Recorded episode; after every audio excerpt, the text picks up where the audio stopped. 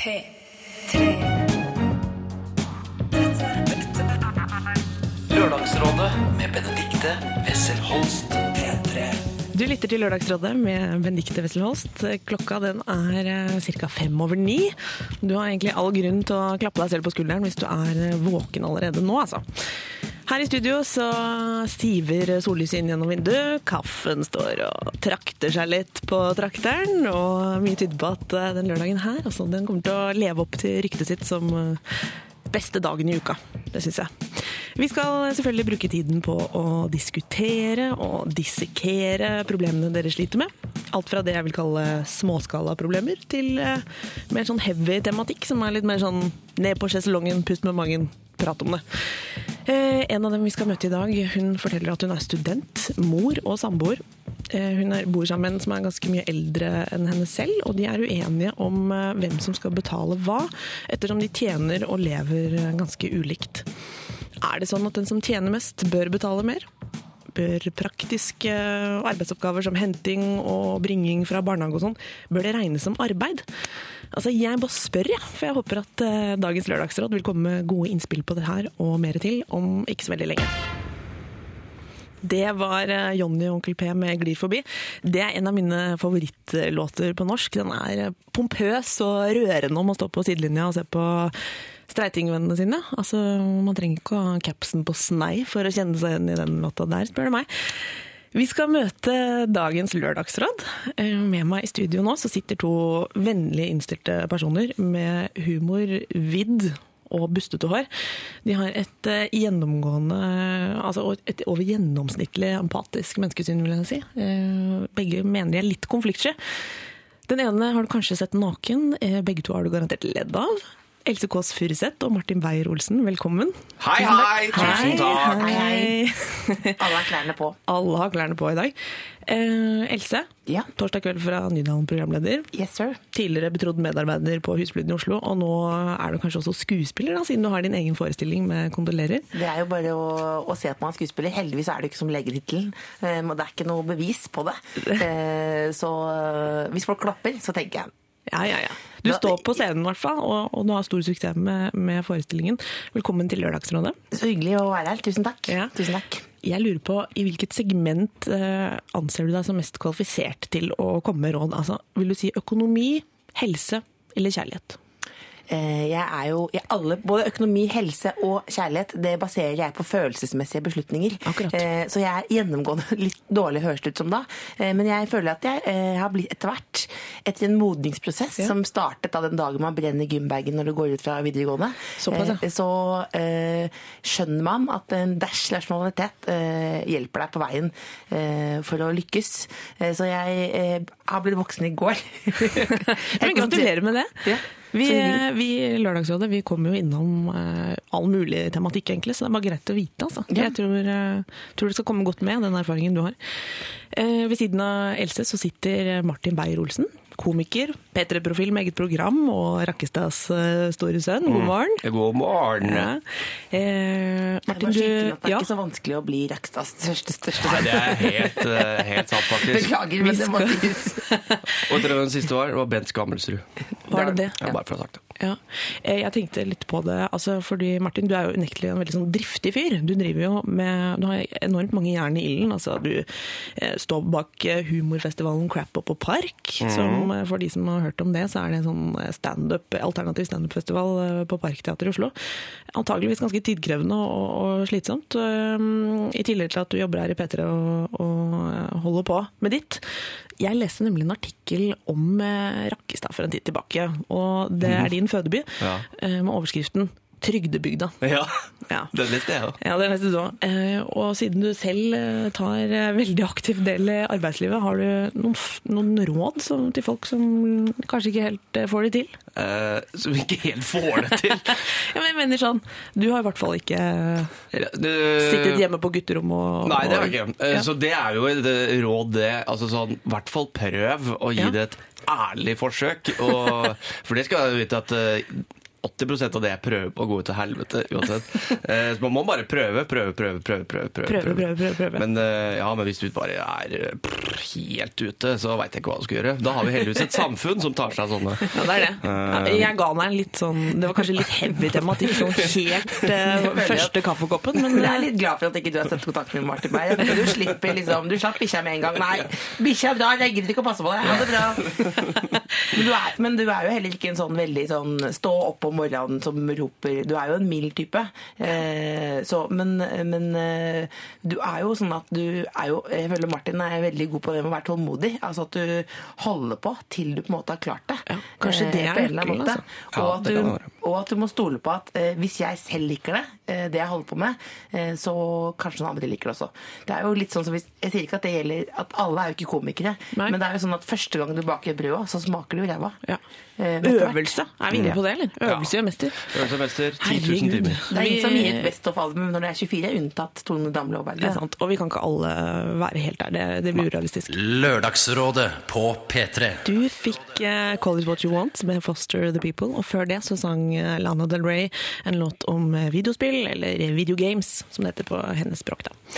Du lytter til Lørdagsrådet med Benedicte Wessel Holst, og sammen med meg så sitter to veldig løsningsorienterte personer, nemlig Else Kåss Furuseth og Martin Beyer-Olsen. Mhm. Her er dagens første problem. Hei, Lørdagsrådet.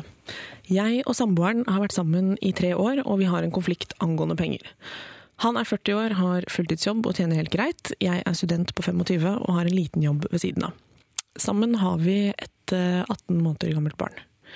I hverdagen er det jeg som henter og leverer åtte av ti mulige ganger, lager middag og ender, opp, eh, ender oftest opp med å ta legging. Dette mener jeg er helt greit, til og med rettferdig fordi jeg er student, har en mer fleksibel hverdag og er hjemme først hver dag. Men da mener jeg også at siden han tjener dobbelt så mye som mitt stipend, lån og ekstrajobblønn til sammen, så bør han ta flere av utgiftene enn meg. Jeg har kranglet meg til at han betaler strøm og internett, men barnehage, husleie, mat og alt annet deler vi likt. Pga. barn, hans ferietidspunkt, barnehagens åpningstider osv. er det vanskelig for meg å finne en sommerjobb hvor arbeidstidene passer inn i kaoset vårt. Burde det ikke være greit at han sier ok, siden ikke du får noe stipend i sommer og det er vanskelig for deg å finne en jobb, eh, og så videre, sånn som situasjonen er, så betaler jeg husleia eller mer av den i sommer. Dette skal vi sammen eh, få til. Dette sitter så prikk, prikk, prikk eh, langt inne for han. Hvorfor det? Er det ikke vanlig at samboere med felles barn eh, er en enhet, og hvis jeg ikke har penger til å betale husleia av grunner utenfor min kontroll, eh, så kan han ta i litt ekstra. Det hører med eh, til dette betente temaet at han lånte min pengebuffer på 50 000 for et par år siden for at han skulle slippe å betale tusenvis av kroner i renter. Han har ennå ikke begynt å betale tilbake noe av helst av dette, og sier at jeg kan låne penger av han til husleie i sommer, eller at han kan betale mot at det trekkes fra lånet hans. Dette er litt komplisert, men altså, ja. Hilsen er dette rettferdig, spør eh, denne frustrerte kvinnen. Det er um, altså en ung studine vi har her som tjener lite, og en voksen mann som, som tjener mer, og de er uenige om fordelingen av utgifter. Er det urimelig, la oss kalle henne, av denne, la oss kalle henne Ida, eh, å kreve at partneren betaler litt mer? Eh, faktisk nå så gikk jeg gjennom så mange eh, en berg-og-dal-bane av følelser, rett og slett. Fra den sterkeste sinne til over til nesten latter, til det tydelige kremt. Så jeg tror faktisk at Martin Berg kan du starte, fordi jeg vil jo gjerne være litt saklig. Jeg også hadde lyst til å legge meg under bordet her Og og skrike, det, ja. for det rokker med min virkelighetsoppfatning. Såpass? Ja, men dette syns jeg er utrolig. Fordi ja, men nå Det- gikk jeg inn og Nå har jeg, jeg, jeg, jeg, er på, jeg er debatten. Klikk deg inn på debatten. Vi vil gjerne ha debatt, vi. ja, men hva begynner du, Martin? Nei, men altså, Jeg tror ikke det blir noe debatt, tror jeg. Nei, her er vi Eh, Jeg er spent, jeg.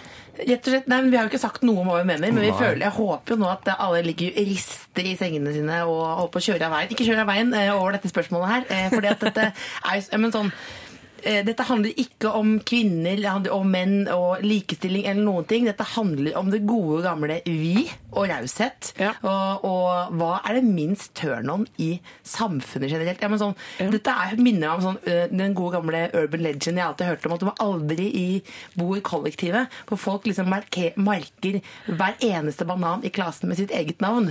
Altså har som egen hylle. Og når du har fått et barn, dessverre, så er det 50-50.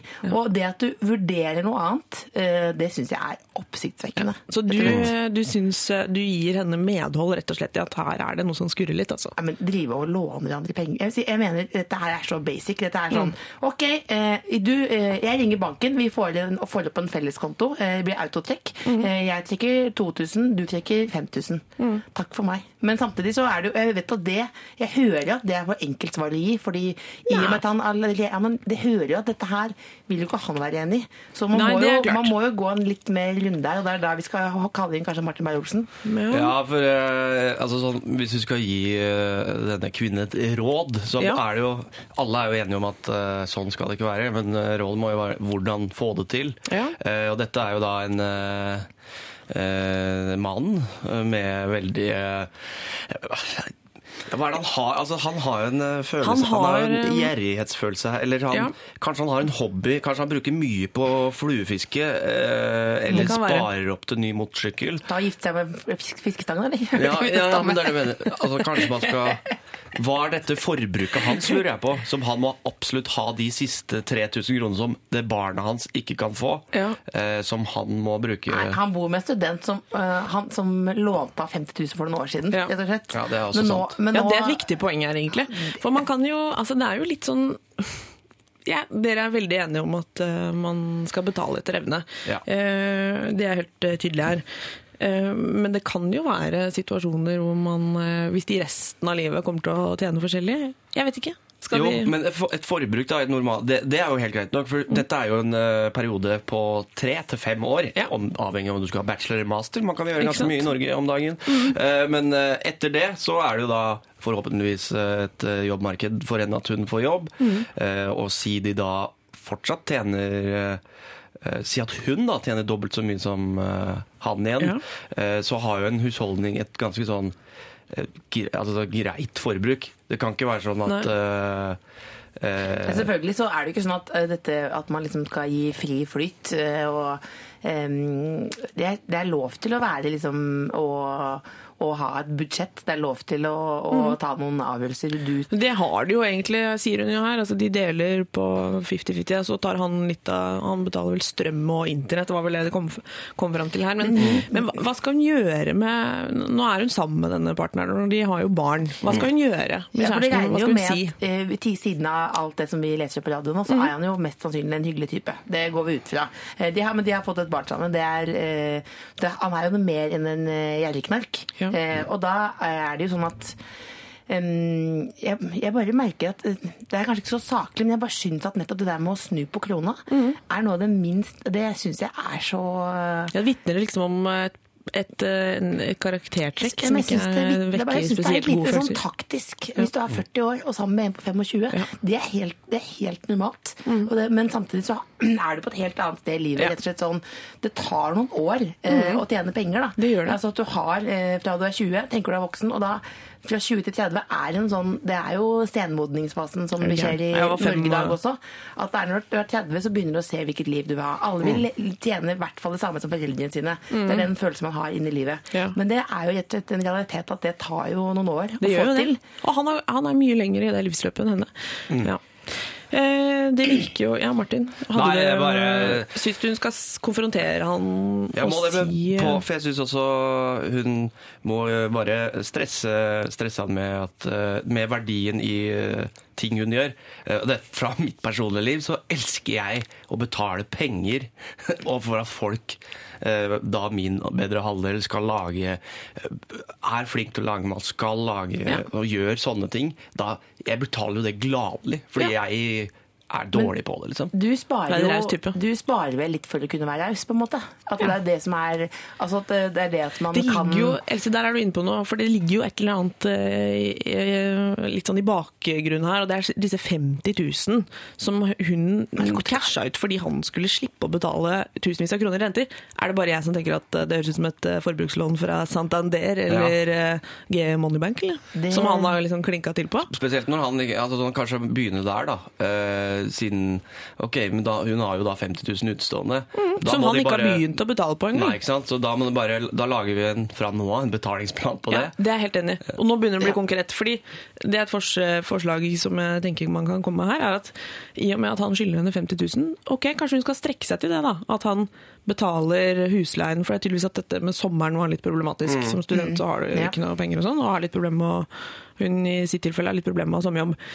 Kanskje hun skal gå med på det? At um, disse 50 000 kan han godt skrive ned Altså Hvis hun får noen tusen av det, så skriver hun av det på den gjelden.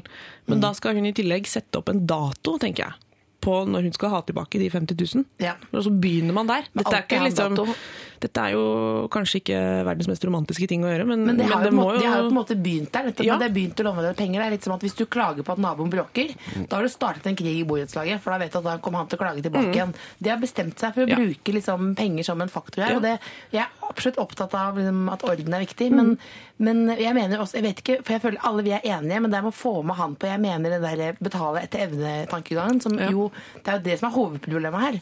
At jeg mener sånn Dette er jo ikke noe Jeg mener forbruks, eller en brukskonto med ulik trekk. Men Ja. jeg vet ikke hvordan man skal få Det er han også med.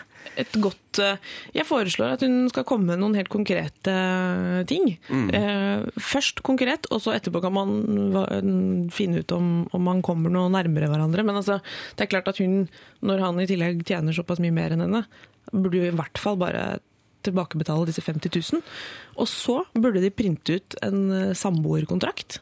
Det er veldig uromantisk, men det er veldig lurt. I dette tilfellet så har de jo også barn, så, så her må jo ting være litt på plass. Og det er veldig lett å sette opp også. Det er jo, bare å, det er jo et helt standard skriv. Ikke sant? Jeg tror du rett og slett kan printe ut fra internett Ja. et eller annet sted. Eh, og så syns jeg vi skal pense innom dette med at det er litt sånn kvinnefella å gå i det der og gjøre veldig mye av det der ulønnede arbeidet, som faktisk er henting, bringing, legging og matlaging. Det er en jobb, det. Som hun ikke får noe igjen for. Hva skal hun gjøre med det? Det er i konfirmasjonen så kommer det barn til å takke mora. Takk for at du henta meg. Takk for, Takk for at du var der. Ja.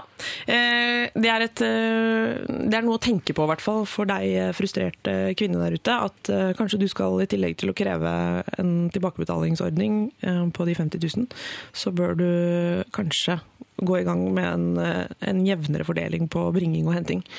Bare sånn for din egen del, da. For at du får tilbake. Jeg skal få deg en ny mann. Eventuelt. Nei, jeg tuller. Eventuelt. Det er mange, det er mange mulige løsninger der ute. Jeg var tulla. Eh, Dette var en sånn eh, røff start, eh, kjente vi. Det var mye, mye å bryne seg på. Det var plumbo i følelsessystemet. Ja, det var det, det var det. Aldri vært så alvorlig noensinne. Ikke Vi heller. håper ung, altså denne frustrerte kvinnen fikk noe ut av det. Vi er i hvert fall enige i at du har lov til å være frustrert. Er helt åpenbart. Valiumsvalsen med Jon Olav Nilsen og gjengen der, altså. Det er jo antageligvis Bergens eh, kuleste gjeng, tenker jeg. Jeg leste faktisk at han, eh, Jon Olav selv har 32 tatoveringer. Den ene er eh, på halsen, faktisk. Og da kom jeg på et visdomsord fra en taxisjåfør i London by. Han sa For jeg lurte på sånn, hvordan kan du se Altså, Vi kjørte gjennom et litt sånn dodgy område, spurte sånn er du noen ganger redd? Altså, yeah, piece of conversation. Eh, og han sa at nei, da hun kunne aldri skue, altså man skulle aldri skue hunden på hårene. For eh, det kunne være en badass eh, i dress og mye som eh, Man kunne aldri se det på folk. Minus én ting, og det var tatoveringer i ansiktet. Hals greit, panne, øyne, kinn. Alltid bad news, så vet dere det. Halvt greit.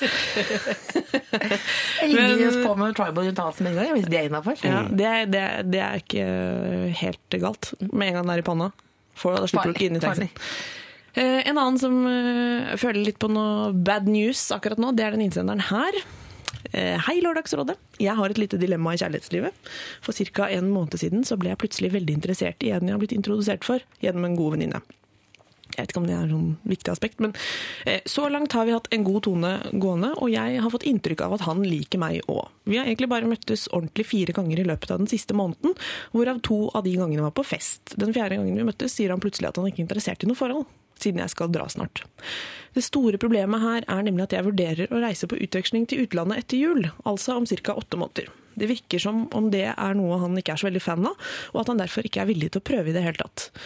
Jeg er i grunnen ganske konfliktsky, så da han tok opp dette temaet, så svarte jeg at jeg heller ikke var interessert i noe forhold. Eh, sannheten er jo at jeg gjerne kunne tenke meg å se om det kunne utviklet seg til noe. Spørsmålet mitt er da om jeg skal ta opp dette temaet igjen og fortelle at jeg egentlig er litt eh, betatt av han, i håp om at eh, kanskje bare i håp om at eh, han kanskje ser at det er lenge til at jeg skal dra, og at vi kan ha det fint eh, sammen fram til avreise. Eller burde jeg bare la det ligge? Hilsen veldig frustrert og usikker jente på 21 år. Frustrert og usikker er vår eh, spesialitet, er det ikke det? Ja, Det er det. eh, vi er jo det er jo- Usikker min spesialitet. Det er jo frustrert, en- Else, din spesialitet. konflikt- Nei, nei. Frustrert frue er en utrolig god serie på TV 2. Jeg liker også ja. Nei, men eh, det er jo um, hyggelig at en konfliktsky sender spørsmål til andre konfliktsky, men her er det noen Ja. tydelige noen sånn helt uh, Dette er for det første ikke et sånt kjempeproblem. Veldig hyggelig at man har blitt forelska i noen etter en måned. Og sånn, sånt, det er det, det er det roser og solskinn. Ja. Men hvor skal hun? Skal hun til Alaska? Det er Bornholm? Liksom? Det er to helt forskjellige verdener. Helt enig. Og- Og det, er ikke, det kommer ikke fram ut fra den informasjonen jeg sitter på. Nei, Men jeg, synes, jeg er ikke enig i at det har noe, spiller en rolle. Altså, sånn, dette er folk på 21 år Ja. som eh, nå har blitt eh, betatt av noen, Ja. som skal til utlandet. Utlandet, utlandet, sier du. Eh, og, Så jeg sier eh, Så der er litt enig med han, faktisk. Altså, Ja. sånn, ok, Nå er det åtte måneder, Ja. men sørg for å bare ha det moro, kos dere. Men ikke legg noe Ikke, ikke planlegg Nei. bryllupsreiser. Nei, du Liksom. mener at når man tar og kjører Redde autobanen i 120 liksom, og vinner i håret, så skal Ja. du glemme du alt det er hjemme? Så du kan ikke ha noen forpliktelse hjemme? Nei, for plutselig så møter du da eh, Edvard i Østerrike, der du bor, Ja, ja. eh, som er liksom helt rå på fiolin. Og, og, og som er enda kjekkere, da. Har enda lengre krøller i nakken enn han du har tatt av nå. Du Det er et aspekt som sånn- vi må ha med her. Ja. Og det- er så gøy med utlandet, da. Så, du lærer nye kulturer, språk. Så bare ha det fint, men Hyggelig ikke med lokalbefolkningen. Ja, ja, ja. Like øl av en Ja. eh, sånn um, fotballstøvel. Ja. Eh, Men, men, jeg, men jeg tenker Jeg, ja, Går det an å spørre om, om det liksom eh, rekker man å For hun er veldig opptatt av at det er åtte måneder til hun drar osv. Hun har litt lyst til at vi bare skal Hun foreslår at de kanskje skal se hva som skjer på de åtte månedene. Og så, eller skal hun droppe hele greia? Som- Hva syns dere? Det er jo bare egentlig fortsette å være sammen. Og så, Mm. og så er det det at Men samtidig, når, hvis noen begynner å problematisere veldig tydelig i et forhold, gåsetegn, Ja. eh, ikke bra. Det er Nei. ikke lov å si ikke bra, men, men samtidig så er det jo Men det, er, men det mener jeg er fakta. Liksom, at, Ja. altså, når du har møtt hverandre fire ganger, og da har allerede dukket på problemer Ja. mm, Minefelt. Eh, dette, dette, her er det liksom en okse som kommer til å rase i butikken, og han, har, han er jo veldig ærlig, da. Ja, han er ærlig. Men, Det, det, det som er litt uh, påfallende her, er jo det, Dette kan kanskje dere kjenne dere igjen i, siden dere begge definerer dere som konfliktsky. Altså, hun sitter i en samtale, og han sier 'jeg er ikke interessert i noe forhold'. Ikke jeg heller. Ja, det er helt vanlig. Det er speiling, speiling, speiling, speiling. Aldri vært interessert i noen ting. Ja. Nei, Jeg liker ikke kjærlighet, det. Nei. Ikke Nei, heller. det er ikke sant. Dette er ikke så uvanlig, tydeligvis. Nei, Men nei, nei. denne usikre og frustrerte jenta, hun, hun uh, sier jo heller ikke noe om uh, lengden på oppholdet, for det har jo noe å si. Det kan, hvis det er et semester, Det har noe å si, ja. ja, hvis hun skal ta en eh, medisinsk spesialistutdannelse på tolv år, Ja, Hvis det er en langhelg, så jeg han er ganske døv. Og hvis du bestiller en langhelg åtte måneder i forveien, da er det problemet her. da, Men, er ikke, men man er ikke, han ikke ta så alvorlig på det. på en måte. Nei, altså, det er jo ingen som, hun har jo ikke begynt å liksom, eh, brasere inn navnet i et sånt messingskilt på døra. Eller hun. Nei, la oss håpe hun ikke har det. Eh, Men verden er åpen. altså Dette kan være en kjempefyr, og da er det egentlig bare å, å, å dra uansett. Det er vi vel enige om? Og vi Ja, ikke begynne å vurdere det. Nei. Det er vi enige om. Eh, Så kanskje vi kan oppsummere litt da, med å si at eh, du har ikke hengt så mye sammen med han her ennå. Det er eh, verdt å sjekke ut eh, hvordan det utvikler seg over disse åtte månedene. Så går det jo kanskje an Uh, om åtte måneder så vet du jo mye mer. Ja, altså, altså, kanskje bare- du har møtt en helt annen, for alt jeg vet. Og så er det jo liksom dette med at du kan møte noen der, da. Ja. Vi skal ikke glemme det aspektet. Man kan møte folk på butikken, i arbeidsmiljøet. Det sier Ja, ja, ja. alltid damebladene. Hun er i en alder hvor man skal forsyne seg av livet. Og når man eh, må huske på også, når man er i utlandet, så er det da leit å ha den eh, bagasjen at eh, ja, men jeg kan ikke gjøre noe, Ja. jeg må holde litt tilbake, Ja, fordi ja, ja. jeg egentlig har en hjemme som jeg bryr meg litt om. Ikke Da, sant? to, det er to mennesker som ikke kommer til å ha det så veldig bra. Men et, en liten ting hun kan ta med Ja. seg videre, at neste gang kanskje prøve å åpne opp hjertedøra og si hva man egentlig føler. Ja. High five. Det må bli, det må bli etterlatt inntrykk av dette. Dr. Love! Eh, ta en tur i kjelleren og se om det ligger noen problemer der som du kan eh, sende til oss. Eh, P3 1987, eller send oss mail eh, på lralfakrøll.nrk.no. Her får du Johnny Cash og låta Hurt. Lørdagsrådet på P3. Hurt med Johnny Cash. Eh, Det er jo en låt som gjør inntrykk, men som jeg eh, føler liksom det er lov å si at ikke alle bør prøve seg på den eh, på nachspiel eller eh, sånn nachspiel eller forspill. Altså, jeg syns det er greit å si fra. Det er lørdag, og det kan være veldig fristende. Men akkurat den låta, Martin, Skal jeg legge fra gitaren? Er det det du sier? er kanskje for noe som folk må, må bare ha i bakhodet. Altså. Det er mange timer til nachspiel. Kanskje du har fått en ganske ryddig versjon inne til fire dager i kveld. Ja, Hvis da alle blir møtes ned på Stortorget i Oslo, og så får vi høfte en liten konsert med Martin Det er ikke så lenge siden folk eh, gikk på utsida der jeg bor. Så det er Ja. sikkert folk som har nachspiel ennå og spiller er sant, akkurat denne låten. Det er fortsatt uh, Vi er inne nå i en tid hvor noen er på nachspiel, Mhm. og andre sitter her og holder eh, lørdagsråd. Er ikke verden rar? Verden er kjemperar! Nei, nei, nei. jo, jo. jo. Eh, vi skal over til dagens andre problem her uh, i Lørdagsrådet. Det er en storesøster som skriver følgende til oss. Hei, Lørdagsrådet. Jeg har et problem som jeg trenger noen utenfra til å hjelpe meg litt med. I mai så skal lillesøsteren min konfirmeres, og som storesøster så føler jeg at det er min plikt å holde en form for tale til ære for søsteren min. Hun er 14, jeg er 19, og vi har et eh, ganske godt søskenforhold. Men jeg lurer på hva jeg skal gjøre med denne talen. Bør den være lang, morsom, seriøs, på rim, eller skal jeg lage en rosa sang? Dette holder på å bli til en verkebyll på nesa, og jeg vil gjerne ha noen innspill fra Lørdagsrådets ekspertpanel. Hilsen storesøster. For en kul storesøster. Jeg fikk ikke noe kul. Veldig kul. Ja, Jeg tror ikke jeg fikk noe av storesøsteren min. Jeg. jeg Hvis hun hører på nå. den, Fikk ikke en eh, rosa rull på sang engang. Akkurat den samme historien selv. Ja. Er storebror. eh, Skulle holde tale i eh, lillebrors bursdag, nei, konfirmasjon. Men jeg var på skoletur i Tyskland, så jeg hadde ikke anledning til å være der. Så jeg skrev to sanger eh, for å kompensere. Oi. Eh, Og det sanger blir tatt veldig godt imot. Ja, så du er på sang, rett og Og, slett? og veldig humor, da. Veldig humor Veldig og sang. veldig sang. Ja, veldig humor. Altså luksus leverpostei, altså. Men, eh, men samtidig, så jeg, jeg har også skrevet en sang eh, eh, som gikk åt skogen den veien Høylandsparker ja, Dundas. Altså, ja, men sånn, det krever, lage en sang er jo sånn man for det tar veldig lang tid, da. Eh, Ja. fordi at du må jo telle, Hvis du ikke er musikalsk, så må du telle alle stavelsene i 'Jeg er havlen', og så må du prøve å finne ord eh, som passer til det. Eh, Det så det kan jo ende opp med noe som er litt sånn upersonlig. Eh, men men eh, du kan jo rett og slett bare Hvis du setter deg ned og tenker sånn Hva er det jeg vil si til søsteren min? Det er nesten ofte ikke så mye lenger enn en Twitter-melding. liksom, 160 tegn, er det det? 40. 140, Beklager, beklager. Eh, Men da også eh, tenk over det. Og hvis du sier det høyt, så er det på en måte ofte nok. Ja. Det høres jo litt sånn kjedelig ut, men altså at du kan si em, altså Jeg tenker alltid bedre med kort enn lang. Ja, det kan vi kanskje slå fast. Rett og slett. Eh, For det er jo sånn, det er jo veldig vanskelig For det- det- Du er alltid noen på eh, 67 år eh, som kommer til å ta den lange talen, så ikke ta den.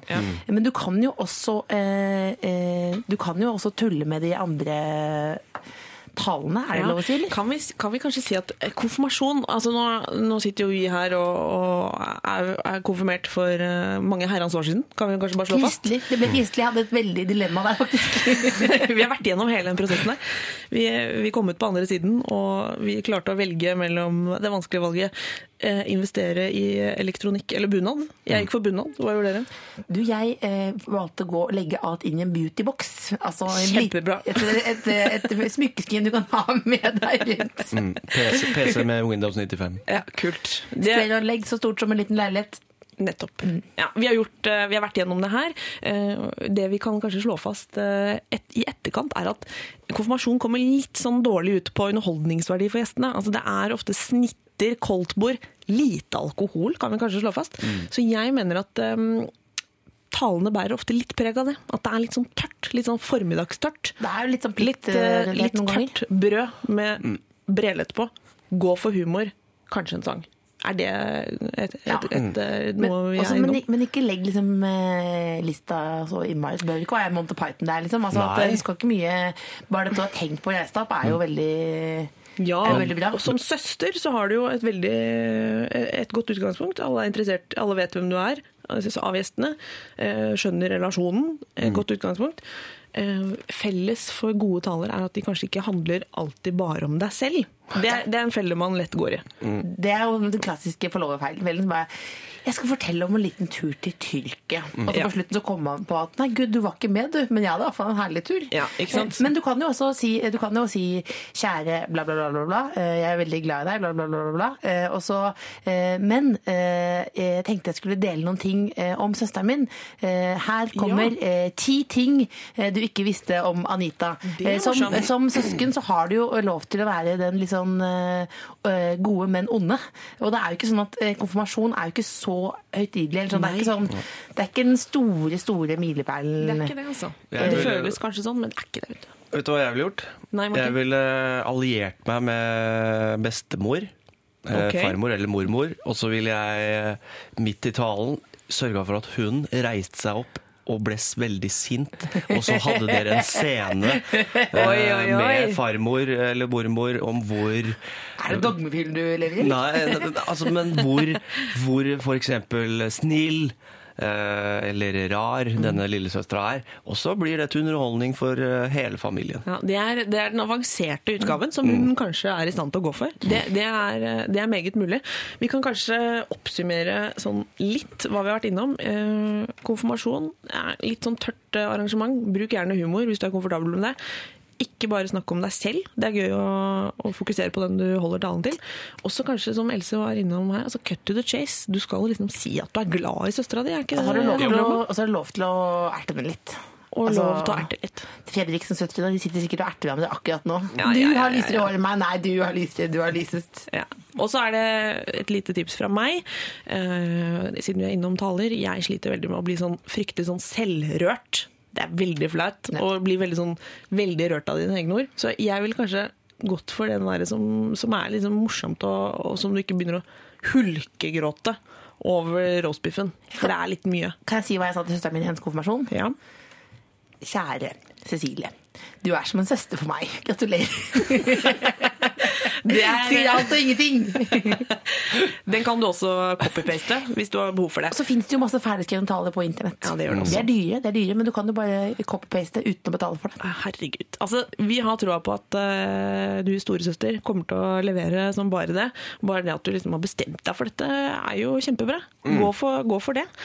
Um, får nesten lyst til å høre hvordan det har gått også. Hvis du, har, eh, hvis du hører på nå, så må du gjerne sende oss en eh, SMS eller en mail og fortelle hvordan talen eh, ble avholdt. Det er vi interessert i å høre. Ja, Og kanskje en MMS også. Kanskje lydklipp også, hvis det er mulig. Herregud, alt er interessant. Alt er interesse. Kanskje livestreaming? Livestreaming på p3.no. Eh, er det flere der ute som har lyst til å, å sende oss en SMS med et kort og konsist problem, så er det P3 til 1987, eller mail oss problemer, eller innspill egentlig, på hvis det er noen som sitter nå og tenker at de har bedre taleråd enn oss. Så mail det over, da vel. Lørdagsrådet Du har hørt uh, Talk That Talk med Rihanna og JC, og før det fikk du Foo Fighters med Arlandria. Det er to sabla fette låter, om jeg får si det selv. Syns det er litt vanskelig å få med meg teksten ja, når melodien er så kul. Jeg, jeg, jeg tror kanskje ikke jeg er alene om å ha det problemet. Jeg tror ikke hun sier noe viktig heller. Hun snakker om å, å snakke om det. Tenk Det er jo egentlig relevant for hele konseptet. Tenk å referere den låta der som en rettssak. på en måte. Talk that talk. Talk that talk. Det gjelder for oss her også. Eh, Du lytter til Lørdagsrådet med Benedicte Wessel Holst, og med meg i studio så sitter jo Else Kåss Furuseth. Det Det er eh, kvinnen med bustete hår og en liten sjarmerende talefeil. Og ved siden av deg så sitter Martin eh, Beyer-Olsen. Jeg vil si han er like sjarmerende, bare litt mer sånn tydelig artikulasjon. Tydelig, tydelig på æren. Tydelig på æren. Og mer skjegg. Eh, Litt mer skjegg. Litt mer skjegg også, kan vi, kan vi være enige om. Nå skaper du bilder i Å, hodet! ja, ja, ja. Kan jeg, kan Jeg jeg kalle dere to eh, eksemplarer av arten homo ludens? Rett og slett. Helland og Halland. Knoll og hott. Vet dere hva homo ludens betyr? nei. Menneske. Nei, det betyr lekende menneske. Å, det musiske mennesket! Ja, nesten. Ja. For de av dere som tror dere hører på P2 nå, så gjør dere ikke det. Det er fortsatt P3. Jeg måtte bare ha med litt sånn Kunnskap. Litt kunnskap inni der. Eh, Vi har fått inn noen spørsmål til dagens rådgivere. Eh, Første går til deg, Martin. Oi! Er du klar? Jeg er kjempeklar. Ja. Det er en som skriver 'som ekte østfolding og raksting'. Er det det det kalles når man er fra Rakstad? Ja, det stemmer. Ja. Anser du deg som den nye arvtakeren til Raimond? Eh, Ja, øh, Hva innebærer det egentlig? Du er jo på en måte et slags sånn humorlokomotiv fra, fra Østfold. Du har dundra inn i hovedstaden altså, med stor altså, suksess. altså sånn jeg ser det, da. Ja. Eh, for de som ikke kjenner til Raymond-karakteren, Ja. det er jo en eh, Si hvem det er. Raymond er jo en karakter. Mm. eh, en av Øyvind Johansens aller fremste revykarakterer. Ja. Og, hvis- og dette er en karakter som var stor både på 80- og 90-tallet, og han lever av reklameinntekter på da i 2012. Så hvis jeg kan det lage en karakter som jeg kan leve og tjene millioner av kroner på i over 40 år, oh, så er det klart jeg er interessert i å bli den nye Raymond. Ja, det er klart det. Såpass skal jeg være. Ja. Men utover det så har vi vel veldig lite felles. Ja. Uh, jeg, Jeg har sett, jeg har sett Raymond live en gang. Ja. Og jeg veit ikke helt hvorfor jeg lo, men jeg lo i hvert fall jævlig mye. Ja, søt, da. Det er han, for de av dere som eh, er litt yngre enn oss, så er det han litt sånn chubby typen med, med capsen sånn karakteristisk brettet opp. Veldig sånn godtroende, snill humor. Og sier halla og fem-seks eksempel og sånne ting. Ja, sånne ting som faktisk eh, funker som ei kule. Mm. Eh, neste spørsmål er til Else Kåss Furuseth. Vil du Eh, også være Rai- ny Raymond? Kanskje dere begge to vil det, egentlig. Eh, Det er en som skriver Jeg så deg naken på Morten Ramshow i Oslo Spektrum og syntes du var dritkult som turte. Hva fikk deg til å kaste klærne foran 7000 mennesker? Spørsmålstegn. Rett og slett at, eh, at ideen eh, Vil du være med i et eh, nummer som heter Naken, eh, naken dansende meksikaner? Da, blir jeg, da lurer jeg på hva er dette for noe. Jeg, åp, jeg åpner boka og tenker hva skjer her? Eh, og så var det en pilatesball som man skulle kastes mot. Så det tenkte jeg det er, Jeg føler at det var innenfor kategorien sånn slapstick-humor, eh, litt sånn Benny Hill-aktig humor. Ja. Som jeg personlig eh, syns er veldig, veldig morsom. Ja. da. Altså, Hvis en dame kastes ned mot en eh, eh, pilatesball, Ja. så begynner jo gravitasjonseffekten. Ikke gravitasjons... Jo, man- det hørtes ut som Iselin i Paradise. Hvordan er det? Ja, det er det. Altså, ting trekkes mot jorden, og du henger rett opp og ned, helt naken. Og bouncer opp igjen, for, for dere der som, som lurer på hvordan det ser ut. Se for dere eh, kvinnekroppens eh, mange attributter i en sånn gjentagende bounce-session på så- en uh, pilatesball. Og dette er jo et helt program på National Geographic, for vi har filma i høyhastighetskamera, hvor du ser da nakne Else Ja. altså sånn bounce, og du ser bare hvordan kroppen fordeler eh, Ja, ja, ja. Og så, eh, er det, så høres det ut som en sånn eh, gjennomgående skikkelig, skikkelig, skikkelig skikkelig dårlig idé. Og da tenkte jeg at eh, den, det er litt, noen ganger tenker jeg det er litt dårlig idé du må gå for. Nei, nå høres det Du ut som fikk, i hvert fall, du fikk i hvert fall veldig uh, stor respons, og, og du uh, kjørte på med noe som de færreste egentlig hadde turt. Men selvfølgelig så er det jo det er veldig problematisk å kle seg foran én person. Det er faktisk lettere for 7000. Ja, Det er kanskje det, Det er jo- mest fascinerende ved hele Det er det mest prosjektet. fascinerende. Ja. Altså, men det er veldig flaut å si sånn Jeg skal kle meg i Spektrum, men bare skru av lyset først. Jeg skulle på en måte likt å vært flue på veggen. Det må nesten ha vært flauere å, å kle av seg garderobene før du gikk ut Det på scenen. flaueste er å stå bak eh, Med masse teknikere og Ja, sånn? teknikere sier dette, dette blir bra. så står du sånn kliss ja, naken, eh, rett og slett. Eh, Men eh, ja, når jeg er i Tøyenbadet, så dusjer jeg med badedrakt. Jeg vet ikke det er lov, men så det er mye lettere å gjøre det hvis folk ler. Her er det mange lag altså, med, med, med rare Nei, men hvis folk, avgjørelser. for det er jo sånn, hvis folk ler, eh, hvis du kler deg foran én person, da har du et kjempeproblem. I Spektrum så er det bedre hvis folk ler. Så hvis du, hvis du sliter med at du syns det er litt sånn halvskummelt å, å kle deg naken for, eh, for din elskede, så kan du jo vurdere å bare kaste klærne midt i byen på dagen og lage et show av det. Spør Michael Bublé om du kan komme opp på scenen i fem minutter neste gang han er i Oslo. Oi, oi, oi. Ja. Herregud. Eh, her er, Anbefales ikke. er det mye rare bilder i hodet. Jeg tror vi eh, snart må ha et musikalsk avbrekk. Eh, send oss gjerne SMS, kodeord P31987, eller mail oss problemer hvis du har lyst til å, å bruke litt lengre plass, flere ord. Så bruker du lralfakrøll.nrk.no. Her kommer Lido Lido med 'Turn Up The Life'. Det var eh, Peter Esdal med 'Brother'. Kjære Lørdagsrådet. Jeg er i et samboerskap med barn, og vi har egentlig hatt det veldig bra. Nylig oppdaget jeg at han har løyet til meg i over et år om ganske vesentlige ting som han burde vært ærlig om. Det gjelder både ekser, som han har mer kontakt med enn jeg visste, og jobb. Han har sagt han har jobb uten å ha det. Penger han har fått tilbakebetalt av kompiser, har han løyet og sagt har vært lønn. Jeg elsker han og kan se for meg oss gift og med flere barn om noen år, men akkurat nå er jeg lei av å være tobarnsmor, som hun setter i gåsetegn. Han er veldig umoden og tar altfor lite ansvar. Det er så klart kjipt, og jeg vil at det skal funke, men jeg vil kun det beste for barnet vårt, og sånn situasjonen er nå, så er jeg ikke sikker på at samboerskap er det beste for oss. Hva bør jeg gjøre? Er det verdt eh, å jobbe for, eller bør jeg gi han en sjanse til å bevise at han kan bli voksen på egen hånd ved å ta en pause? Eh, Det er ingen rundt meg som skjønner hvorfor jeg holder ut, og jeg begynner å bli usikker eh, selv. Men jeg er eh, så redd for å være alene. Hilsen frustrert mamma, 20 år. 20 år! Ja, 20 år. Eh, Martin Beyer-Olsen og Else Kåss Furuseth eh, sitter her i Lørdagsrådet i dag, og her er det vel en del som skurrer, er det ikke det? Det er en muffins her. Det, her er det muffins i rommet, og jeg må jo si at eh, jeg, veit ikke om min kompetanse strekker til på så store Nei, det, temaer. Men vi brekker det ned. Ja, vi vi får bare brekke det ned. Altså, jeg må bare starte på 20 år. ja. Dette er jo veldig, veldig unge mennesker. Ja. Uh, så Men de har fått barn. De har fått barn, og Ja. det kan man få fra man er sånn 15 eller 13 til 15, avhengig av hvor tidlig modnet man er. Uh, Det er litt lettere for barn enn å få lappen. Det er helt utrolig. det er det. Uh, Og billigere òg. Så det handler jo om Men rar oppførsel kan jo ha noe med alder å gjøre her. Kanskje noe, ja. Eh, Men, Men- å ljuge at men- man har jobb Men ja. Hvordan gjør man det egentlig? Men, men, men altså, det kan jo være det, det er jo ikke sånn sikkert at han har reist ut hver morgen og sånn 'Nå går jeg på jobben!' Nei. Og så uh, sitter han og så har han gjemmer han seg litt i sånn skur og Ja. Nei, Det er det eh, jeg ser for meg akkurat nå. skjønner du. Nei, men samtidig kan det være bare at han eh, han har fått noe penger, og så er det lettere å si da det var Yes. lønn, enn å si at eh, han får tilbakebetalt Ja. noe man har lånt bort. Det er helt riktig. Det kan være en løgn som har vokst seg Ja. stor her nå, men det er jo noen ting hun sier, da. Hun sier at hun elsker han. Ja, det sier du. Eh, Hun sier at de, ingen andre skjønner hvorfor hun holder ut. To liksom viktige ting her. da. Mm. Ja. Eh, Og det er jo da hjerne og hode, klassisk, mm. som jobber mot hverandre.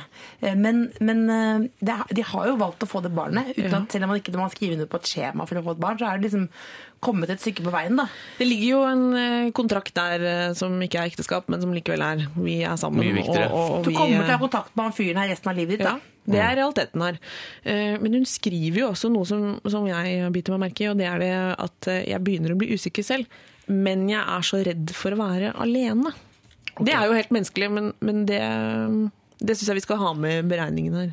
Ja, altså det er, det, Ja, Det er altså, jo- hva, skal, hva skal man For det første, hva, hva, hva kan hun gjøre med den løgnen som han har servert? Det ene er jo forhåpentligvis at uh, hun har sagt dette her til han. da, Mm. Problematisert det, ikke bare til oss.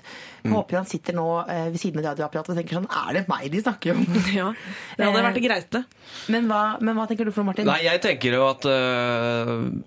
altså Hun spør jo om hun skal liksom gi han en sjanse. Sånn. Eh, her er det jo klassisk Dette må konfronteres. Uh, mm. det, dette er nesten på sånn intervention-nivå. Intervention, hva er det det er sånn man samler hele, alle venner og familie til en som f.eks. misbruker narkotika. Og, sånn, ja. og bare sånn Nå skal vi snakke sammen med deg, Ja. eh, for nå sånn skal du slutte med dette. med sånn langt hår i nakken? Det er ikke han? Eh, nei, det har jeg ikke sett. eh, Nei, Han ikke han, nesten, nei. han kunne nesten vært med. Rista og men tatt så- grep. Men dette er litt eh, filleristing, ja. Ja, litt filleristing. eh, og her er det lov å ha med familiemedlemmer fra Oi. begge familier, tenker jeg. Hvor man- Såpass, ja. Martin, men- ja, men ikke jeg tenker- konfirmasjon da, Martin Nei, men, nei, men så jeg tenker sånn men- Her må man si Ta OK, med vi har et eh, barn sammen. Ja. Nå må du Altså sånn Det er Voks sant. opp. Det er Nå må sant. du eh, opp, virkelig Amman. vokse opp. Og så vi kan godt legge all kontakt med ekser og sånn død, det bryr jeg meg ikke noe om. Det er ikke så viktig i det lange løp. eh, Og dette med den ljuginga, det er helt greit. Nå begynner vi på nytt. Mm. Men du setter jo barn i fare ved å ikke ha en jobb og si at du har en jobb, hvis du da ikke går og leter etter Ja, det er litt- eh, en det er måte å få forsørge familien en måte, din. Men, men jeg kan jo røpe at jeg, altså litt sånn ekstrainfo er at eh, han har ikke mm, visstnok ikke tatt så veldig mye initiativ på den jobbsøkinga. Og det er jo noe hun er skuffet over, da. Mm. Så han sitter litt sånn Han er nok litt eh, hjemme i sofaen og venter på en jobb. Ja. Eh, Hva kan han gjøre for å Altså, hva må hjelpe han med å finne seg en ny jobb? Og slett, men det, Er kanskje ikke det hun skal drive med? Jo, men samtidig skal hun kan ikke sitte og skrive CV-en hans. Sånn, nøkkelverdier, kjernevirksomhet, glad gutt. Ja. Det må man jo gjøre selv. Det er jo verdens kjedeligste og sånn Han er jo en vanskeligste ting. sab. Men, men samtidig, men samtidig Han så, er det er jo ikke noe, han har jo ikke gjort noe ulovlig her. Liksom. Han er bare Nei en god gammeldags slabbedask Ja. som ikke tar ut uh, klærne av uh, vaskemaskinen. Ja, de sånn- lukter de- surt, ja, de liksom. lukter surt, ja. Og av ferdigkrøll, alt er ferdigkrølla. Uh, og det er jo, men noe av det er jo bare at man er 20 år, da. Er det Jeg tror det også, det. ikke noe intervention, vær så snill. da. Nei, men, nei, men det er jeg ikke sier at det skal gå så langt, men i hvert fall hun da må bare si OK. Hun har rett til å være frustrert, Ja, ja, og hun bør uh, si at uh, vet du hva, sånn her kan vi ikke ha det. Dette er for dårlig. Du må ha jobb. Uh, og du må slutte å, å lyve. Hvis du ikke finner en ny jobb, så må vi i hvert fall kunne snakke om det. Uh, og så er det jo det elementet med hva som er best uh, for datteren osv. Kan vel kanskje si at hvis, hvis dette ikke er et forhold som har noe for seg for, for hun som har sendt inn, så er jo ikke det det beste for barnet. Altså, hun kan ikke bli værende i et forhold eh, i en sånn idé om at det vil gjøre ungen lykkelig. Og, og det at hun er veldig redd for å være alene, det er helt vanlig. Da. Det, er, eh, Det er vel alle mennesker. Det er alle. Man setter jo ofte med noe da, eh, hvis man er veldig redd for det. Ja, Men så prøv å komme litt løfte blikket litt opp fra det. Altså sett noen, Kanskje man skal sette noen tidsfrister. Altså jeg Det kan være ganske sånn, eh, kan det jo funke hvis hun er tydelig og sier hva hun vil ha. Så Ja. er det ofte at man noen ganger da bare, bare gjør det. da, At man vokser liksom etter målene Ja. sine. Åh, Jeg trenger at du jobber og er i jobb og, og viser mer ansvar. Mm. Og så kan man sett, si at det er, hun kan enten si det til han, eller, eller sette den fristen inni sitt eget hode, at det kanskje må skje innen tre-fire måneder. Eh, hvis det ikke er noe endring i hans eh, måte å oppføre seg på, så, så må man kanskje vurdere å, å gjøre det slutt. Da. Mm. Er det ikke litt sånn det er, da? Jo, det er vel eh, det. Ja. Men uh, først snakk skikkelig ja. med han om det. Mm. Og det er ikke noe grunn til å liksom pakke ting inn. Eh, her er det bare mm, Ærlighet varer lengst, og, og, og han har ikke vært det med deg. Uh, da må du være tydelig på at du ønsker endringer i kommunikasjonen hvis du skal bli i det forholdet der. Og så, hvis du ikke har det bra, så hjelper det ikke barnet at du, du blir værende i dette forholdet. Det er- Oi, oi, oi. Ja, men det er, det er, dette syns jeg var veldig godt sagt av dere begge to. Ja. Vi Og bør også legge til en til. Ja, legge til en Få på deg god i senga. Nei, det sa jeg ikke høyt. Det, det sa jeg ikke Det, sa Det var innspill fra, fra Else Kåss Furuseth på sidelinjen der. Eh, send oss gjerne flere problemer. Eh, SMS P3 til 1987. Mail oss på lralfakrøll.nrk.no. Eh, nå skal vi foreta en liten moon landing eh, sammen med Sivert Høyem. Lørdagsrådet på P3. Woohoo! Sirkus Eliassen med 'Jeg vil bare danse'. Og det er vel, eh, Else, du klappa, er verdens klappa mest under hele låta. tydelige låt. Altså alle, det er 95 av alle låter som lages, handler om at man vil ligge med noen. Ja. Men her er det ikke noe siv som skal vasses i. Veldig tydelig. Bli med meg hjem nå. Ja. Den har vokst på meg, rett og slett. Voks på meg, meg også. Rett og slett. Handler det ikke om dansing? Nei, det handler jo ikke om dansing, Martin. dans Har Er det flere lag i den låta? Ja, Det det er er som en lag. god novelle. Mye mellom linjene. Å ja. Eh, Else, raskt innpå. Jeg har hørt rykter om at du har blitt eh, tesnakka på diskotek. Jeg har ikke blitt bare T-snakka, jeg har blitt kasta ut, rett og slett. Fordi jeg var i Lisboa i sommer, hvor det, da alle danser sensuelt. Ja. Eh, Jeg kjørte den gode brilledansen. eh, Rett og slett eh, tok eh, er Du drev med humordansing, du. Nei, danset som om det var en hjemme alene-fest. Eh, dessverre så var det ikke hjemme alene. Det var, da, det var for lite sensuelt. Eh, så da var det Can you please eh, um, dance a bit more um, Can you please don't, don't dance? stopp, Altså, stopp, kommer- stopp, stopp, stopp, dancing! Og så var det en mann som kom og løftet meg ut. Ut på gata. Det er veldig spesielt. Og. Og da vet dere det, eh, folkens. Altså, hvis dere er i Lisboa, ikke, ikke klapp i henda, se glad ut. Eh, det- Bruk plass på å tøysedanse.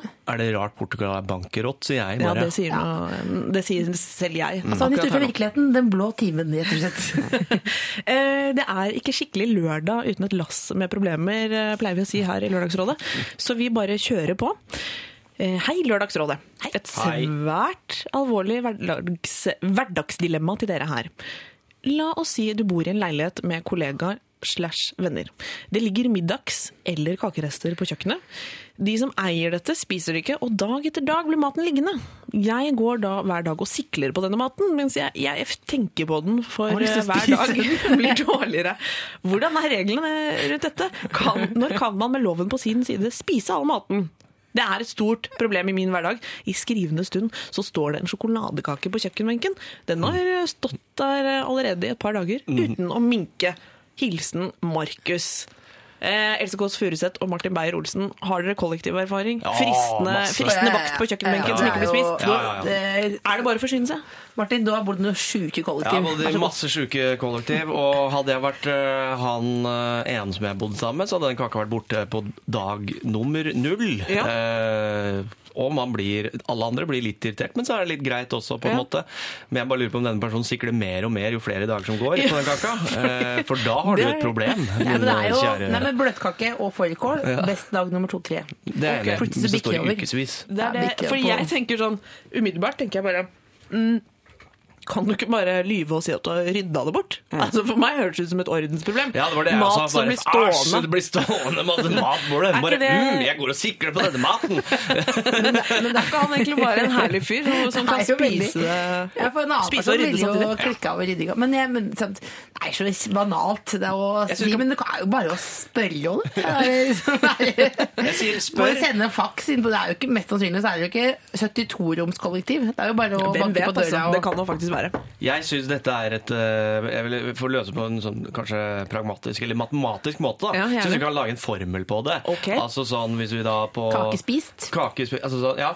Hvis eh, dag to eh, kaken fortsatt er 100% sånn han var på dag null Innspill. Litt rart at en kake blir bakt, og så blir stående Ja, urørt. Hvem er det som Ja, gjør det i dagens samfunn? Det er, Er det et som- kjemperart problem. Jeg har Ja. aldri vært borti dette. Nei. Eh, Men si at det går to dager da, Mm. hvor den er urørt. Da er det lov å ta 20% av den kaka. Okay, spennende. og da, hver pluss én dag så er det lov å ta nye 20% helt til kaka er borte. Ja, og så tenker jeg at etter... Og kaka kake er veldig lett å forholde seg til når du skal uh, bruke prosent. Det er sant. Og lage Det er et diagram i seg Ja. selv. Ja. Men eh, Markus Jeg tenker at Markus han er jo egentlig en fyr som Jeg, jeg kan skjønne at det Jeg har fått med meg dette med sånn kjøleskapsproblematikk. Altså Gulost som blir borte, plutselig sur lapp på kjøleskapsdøra osv.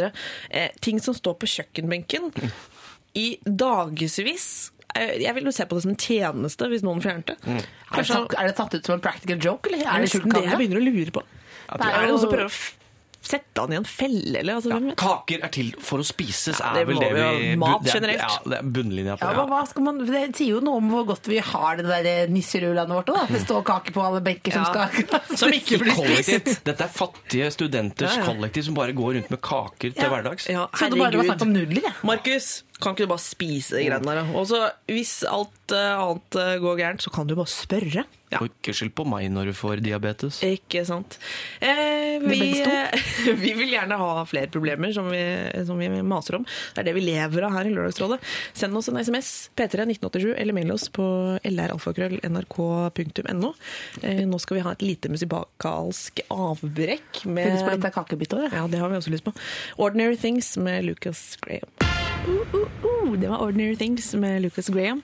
Eh, du lytter til Lørdagsrådet med Benedicte Wesselhost, og her sitter Else Kåss Furuseth og Martin Beyer-Olsen. Boing. Begge Boing, to boing. er eh, veldig empatiske. Til tider litt konfliktsky, men det, det gjør ingenting. Vi, vi trøkker gjennom løsninger på problemene dere har sendt inn Og så er det eh, jo fantastisk hvis du nettopp har skrudd på også, fordi vi har varma skikkelig opp nå. Ja, ja, ja. Men fordi nå vi kommer på veldig ting, sånne ting vi burde sagt i nidraget. Så det er perfekt for dere som våkner nå Ja, ja, ti på elleve. Nå har vi rett og slett eh, nesten eh, psykolognjøs. Ja, nå har vi nesten tatt en bachelor, i hvert fall. Ja. Jeg føler det. Eh, vi går rett på neste problem, vi. Hei og god morgen, Lørdagsrådet. God morgen! God morgen. Eh, jeg har en kjæreste som blir veldig fort sint og irritert. Bruker mye penger på å kjøpe i gåsetegn, henne glad, ettersom dette funker der og da i hvert fall. Er altfor glad i henne til å gi slipp, men funker dårlig å ta det direkte opp med henne. Hva gjør man, hilsen mann i 20-årene? Altså, å kjøpe kjæresten glad, det er ikke så ærefullt, men eh, det er kanskje noe mange gjør eh, likevel. Hvordan skal han bryte denne onde og kostbare sirkelen? Jeg kjøper min eh, kjæreste glad titt og ofte, jeg. Det Jeg er gjør det på nå. Eh, og blir, kan bli sint òg, jeg. Ja. Uh, men eh, Hva skjer? Jeg følte meg litt truffet. Jeg. Dette kjenner Hvilken Martin Beyer-Olsen det seg? Dette ble på privat for. Er det kjæresten som ja, har- det er det jeg bare lurer kjæresten på. som har sendt ut spørsmål? Kaller Nei, dette er en mann. Ja. En mann som, kjøpt, som sender inn og sier at det er, ja, dette har blitt en, en greie. Hun blir sur, han kommer med gaver. Mm.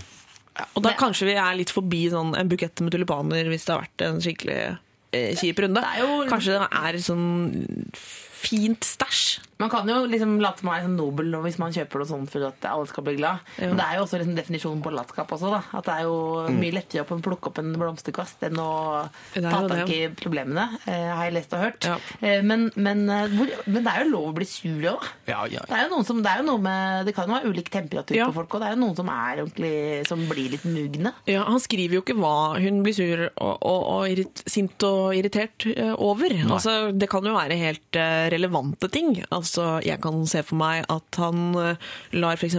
klesvasken eh, ligge i vaskemaskinen så den lukter vondt og blir så skrukkete at det blir umulig å rette ut. Det kan man bli sur og irritert for. Mm. Med, med rette. Og da, og da, da kommer han løpende Da kommer han løpende med en gave. Jeg kan jo kanskje kjenne meg litt i den andre. Jeg er veldig Jeg må bare innrømme. Jeg elsker å få ting. Jeg, jeg er skikkelig materialist. En, en liten skjære som, som gleder meg over alt som blinker og glitrer. Tenk hvis jeg hadde fått noe hver gang jeg ble sur. Jeg hadde jo blitt et barn. Du har investert halve lønningen i livet ditt på bijouteri, Ja. eh, så det er jo et annet spalte. Det er jo luksusfellen.no.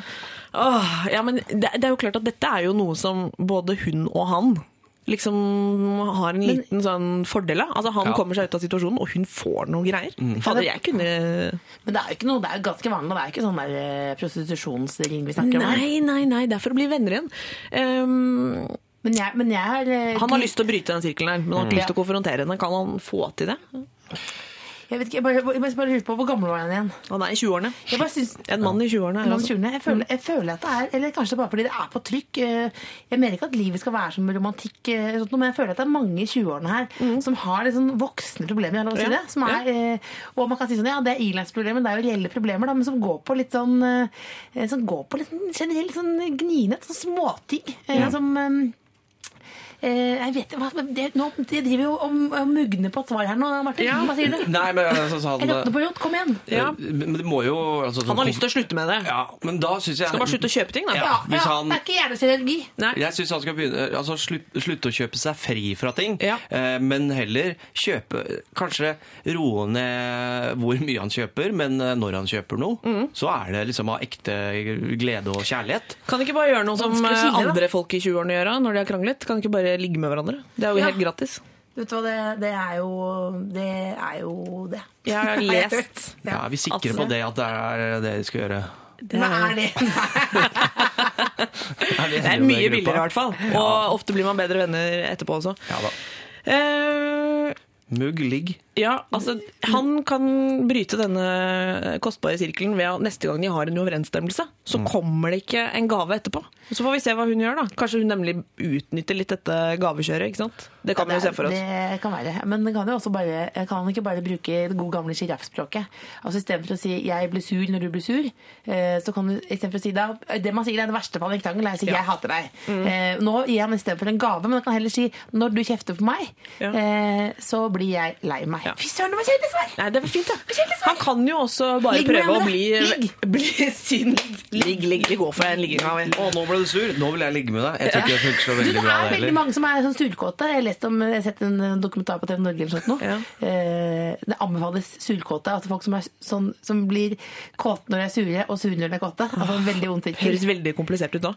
Eh, vi er ganske sikre på at du eh, unge mann i 20-årene som er så flink til å, å kjøpe gaver, eh, men er altfor glad i kjæresten din til å gi slipp på henne, selv om hun begynner å bli litt eh, dyr i drift, som vi kanskje kan slå fast. Dette klarer du å komme deg ut av. Kutt ned på gavekjøpet. Foreslå ligging istedenfor uh, bijouteri, hvis det er det du pleier å fòre henne med. Eh, du kommer nok ikke utenom å snakke med henne om dette problemet. Du kan kanskje også bare prøve å bli litt sånn sinna tilbake og se om eh, du får noe fint. Her kommer Travis Enig. Med Sing. Lørdagsrådet på P3. Det var Nerva Alana Lana med Guilt, en slags eh, power ballad, kan vi kalle det. Fra, Veldig gjerne kalle det fra power ballad. 2012. Den vokser jo så utrolig. Den, Ja, den er- åpner som en sånn der litt lita musling østers. Den er ganske rå. Ja, den er helt rå. Og så er det en perle inni der. Det er perle inni der. Perla dubstep. Ja. Og perla dubstep, rett og slett. Og wob- er det, var var det wob- wob- wobbly bass? Det var ikke nok wobble bass. Altså, jeg er jo forkjemper for mye wobble bass. Rekker vi å høre wobbly bassen til eh, Martin, eller? Ja. Wow, wow, wow, wow, wow, wow, wow, wow, wow, wow, wow, wow, wow, wow, wow, wow. Det er basislyden til Skrillex. det er Eh, kjempe... Wobbly bass. Den, eh, De neste fem den satte meg i stemning, i hvert fall. Ja. De neste fem årene så kommer du til å høre sånn Jørn Hoel-låter med den. Så kommer det til å bli sånn norske hits, merching. Oi, oi, oi. Det gleder jeg meg til. Det blir veldig Eh, Else, vi har fått inn en melding til deg. Ja. Eh, Else er bare helt fantastisk! Utropstegn, utropstegn. Herlig dame.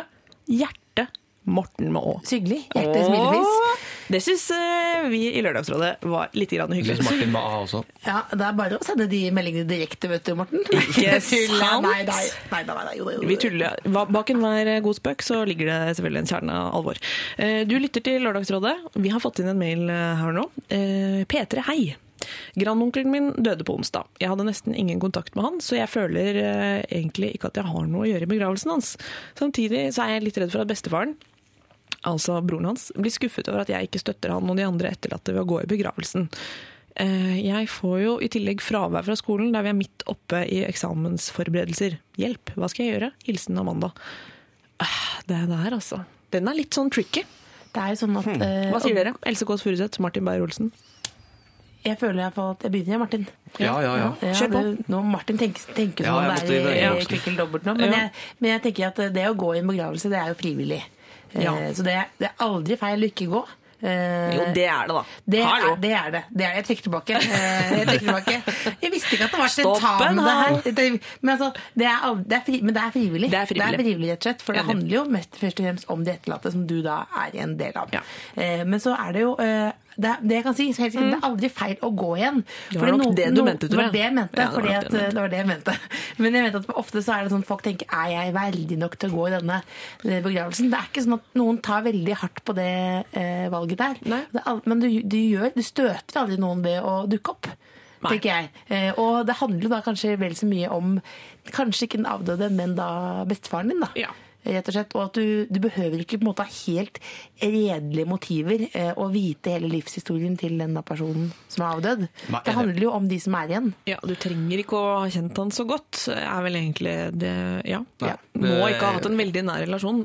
Og det kan jo skyte inn at det er, dette er jo åpenbart en gammel mann som har eh, gått bort. Så egentlig er det jo da Det er helt naturlig. Det er ikke spesielt eh, traumatisk. Eh, gamle folk, de, de dør. Mm. så sånn sett så er det de begravelsene jeg har vært i, som har vært i den kategorien, har vært veldig hyggelige, hvis jeg kan bruke det ordet, om noe sånt. Der kommer man i en begravelse, og der dukker det opp folk eh, som hun som har sendt inn eh, Amanda, som har sendt inn eh, denne mailen.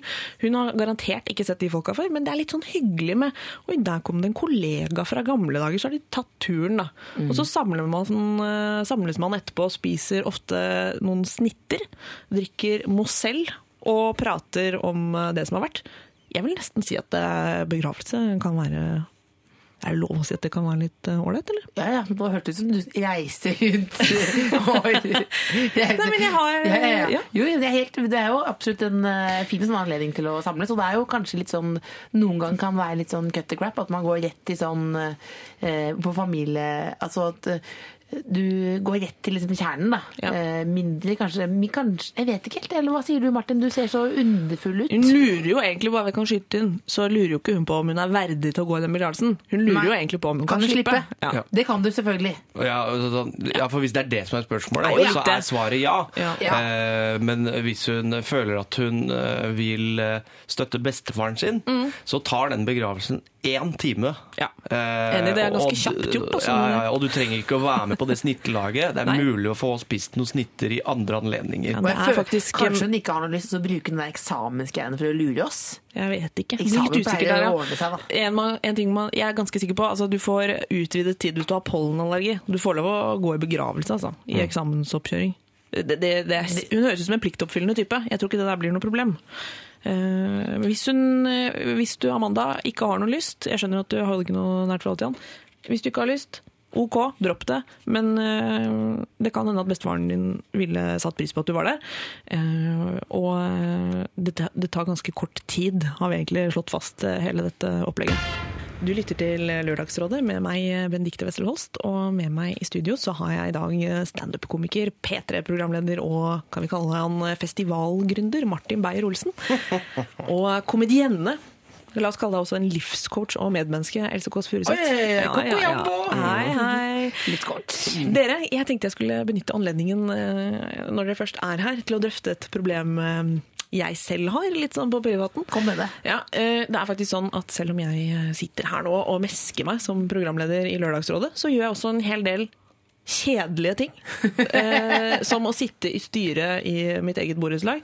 Det innebærer bl.a. at jeg må plukke opp andre folks hundebæsj utenfor gjerdet der jeg bor. Og jeg, eh, Else, jeg kjenner deg relativt godt eh, fra før, og jeg vet at du er i kategorien eksepsjonelt pliktoppfyllende selv. Eh, Du har bl.a. jobbet som vaskedame, mener jeg å huske, og vaktmester i egen gård. Altså stått opp før de andre, Ja. strødd og Ja. måkt, og hatt veldig mye sånn kontakt med naboer. Ja. Åh, Martin, du er ikke helt ukjent med fenomenet om å si stille opp for fellesskapet du heller. Eh, Ryktet sier at du ja, utallige ganger har hjulpet folk med f.eks. flytting, maling, i det hele tatt. Du er liksom Alle Du er en fyr å, fyr å regne med, alle innenfor Ring 3 i Oslo vet at det er Martin Beyer skal ringe skal få løfta sofaen. Ikke sant? Spørs, Eh, og fått mye hjelp til sofaløfting. Og, men det, det Det går litt sånn til og fra. Jeg lurer nemlig på Blir man til syvende og sist et bedre menneske av å drive med sånn ja, Gjøre ting du egentlig ikke har noe lyst til å gjøre, og som veldig mange andre sier at de ikke gidder å gjøre, sånn at du på en måte sitter igjen med å bli deg. Altså, hva, Får jeg en belønning i himmelen, eller hva? Ja, det gjør man jo. Det, det er jo ingen tvil om. Eh, Man gjør det, Og de kjører karma igjen, da. Ja, fordi, men, men det er litt eh, Det Det er veldig lavt perspektiv, vil jeg si. Altså. Ja, veldig er lavt perspektiv. Ja, ja, men det, og det må man bare drite i, for den lønnen den kommer aldri av. Det er jo det lønnen i himmelen betyr. Ja, det er sant, det er Eh, sant. Men det vitner noe om Det er jo eh, altså, karaktertrekk ved en person. Det er- Jeg mener det er litt vår foreldregenerasjon. Ja. De er mye mer kjent for det å ta tak. Ja, og, det det er- er noe jeg. Og det er noe, den ansvarsfølelsen der, den beundrer jeg. Eh, For, den, for det er det som kommer i ja, begravelsen i alle talene dine da. Mhm. Er at du ble han som alltid stilte opp. Og bare det ettermælet Det er jo mine besteforeldre som har gått bort. Og sånn jeg ser eh, min far og sånn. Veldig god på alt det greiene Ja. der. Det er noe jeg prøver å strekke meg etter. Nå ble det litt sånn eh, Jeg kan jo røpe at jeg, jeg er jo på ingen måte den i styret som, eh, som, som gjør mest. Jeg, jeg sitter jo på sidelinjen og tenker sånn ja, budsjettkolonner. Hva har gått ut, hva har gått inn? Vanskelig. Det er derfor jeg tar den hundebæsjen, for det er helt sånn konkret. Det kan, bidra, det kan jeg bidra med. Eh, men jeg er jo ikke, er jo ikke en sånn Gerhardsen-type. Som bare bygger landet på fritida. Det det driver jeg ikke med. Men, men jeg lurer på, kan man liksom ja, Men det er noe som- det, Noen må jo gjøre det. Hva vil du? Ja, hva Du får man vil, til? hva, hva er det du, vil, du vil si at du skal slippe? Er det det du vil? Jeg vil kanskje det. Ja, men, men det som i hvert fall det som Ja, men Else, hvorfor, var du, hvorfor vasket du trapper eh, Nei, men det, i man, det er ikke noe mor Teresa det, Tor Teresa det her, liksom. Og det er jo, eh, man kan, Martin har litt sånn der, Han elsker jo eh, uttrykket 'bruke dagen'. Og da får han pressa inn noe Plukke opp en hundebæsj før Ja. han gjør noe annet. ikke sant? Okay. Og det er jo noe som man kan lære. Så det er ikke sånn, du, dette er jo ikke en kjempestor jobb du gjør, hvis du skal være helt ærlig. Nei, det er ikke det, det er ikke det. Det. Eh, Men samtidig så er det at jeg, eh, jeg var vaktmester fordi at jeg ikke turte å si nei. Ja, det er samme her, det er fordi egentlig. at det står inne, fordi det var styremøte inne på i en treromsleilighet. Da står man veldig tett, og så, Ja, bare, man. og så er det noen som sier sånn Else Kåss Furuseth, du kan være vaktmester. Da sier man ja, liksom. Ja, man gjør det. Eh, men, du må bare, men jeg sluttet fordi at det var, det var helt eh, rett og slett den grunnen at um, man har ansvaret for at um, fortauet utenfor bygården uh, skal være saltet. Ja, det er ganske da stort ansvar, er det ikke Ja, det er faktisk veldig stort ansvar. Eh, Det gir røyken albue der. Mm. Og da ble det litt problematisert hvem som ikke hadde salta. ikke sant? Så, da er jo, så det er jo Og da ble jo det for stor innsats, for jeg skjønte Ja. at jeg kan ikke stå opp hver dag klokken seks. Nei, Men det, er, det ble litt mye. Det er jo ikke et kjempestort offer du gjør, liksom. Det er ikke det, det er ikke det. det, er ikke det. Eh, skal jeg si en liten bivirkning av det å, å gjøre sånne kjedelige ting?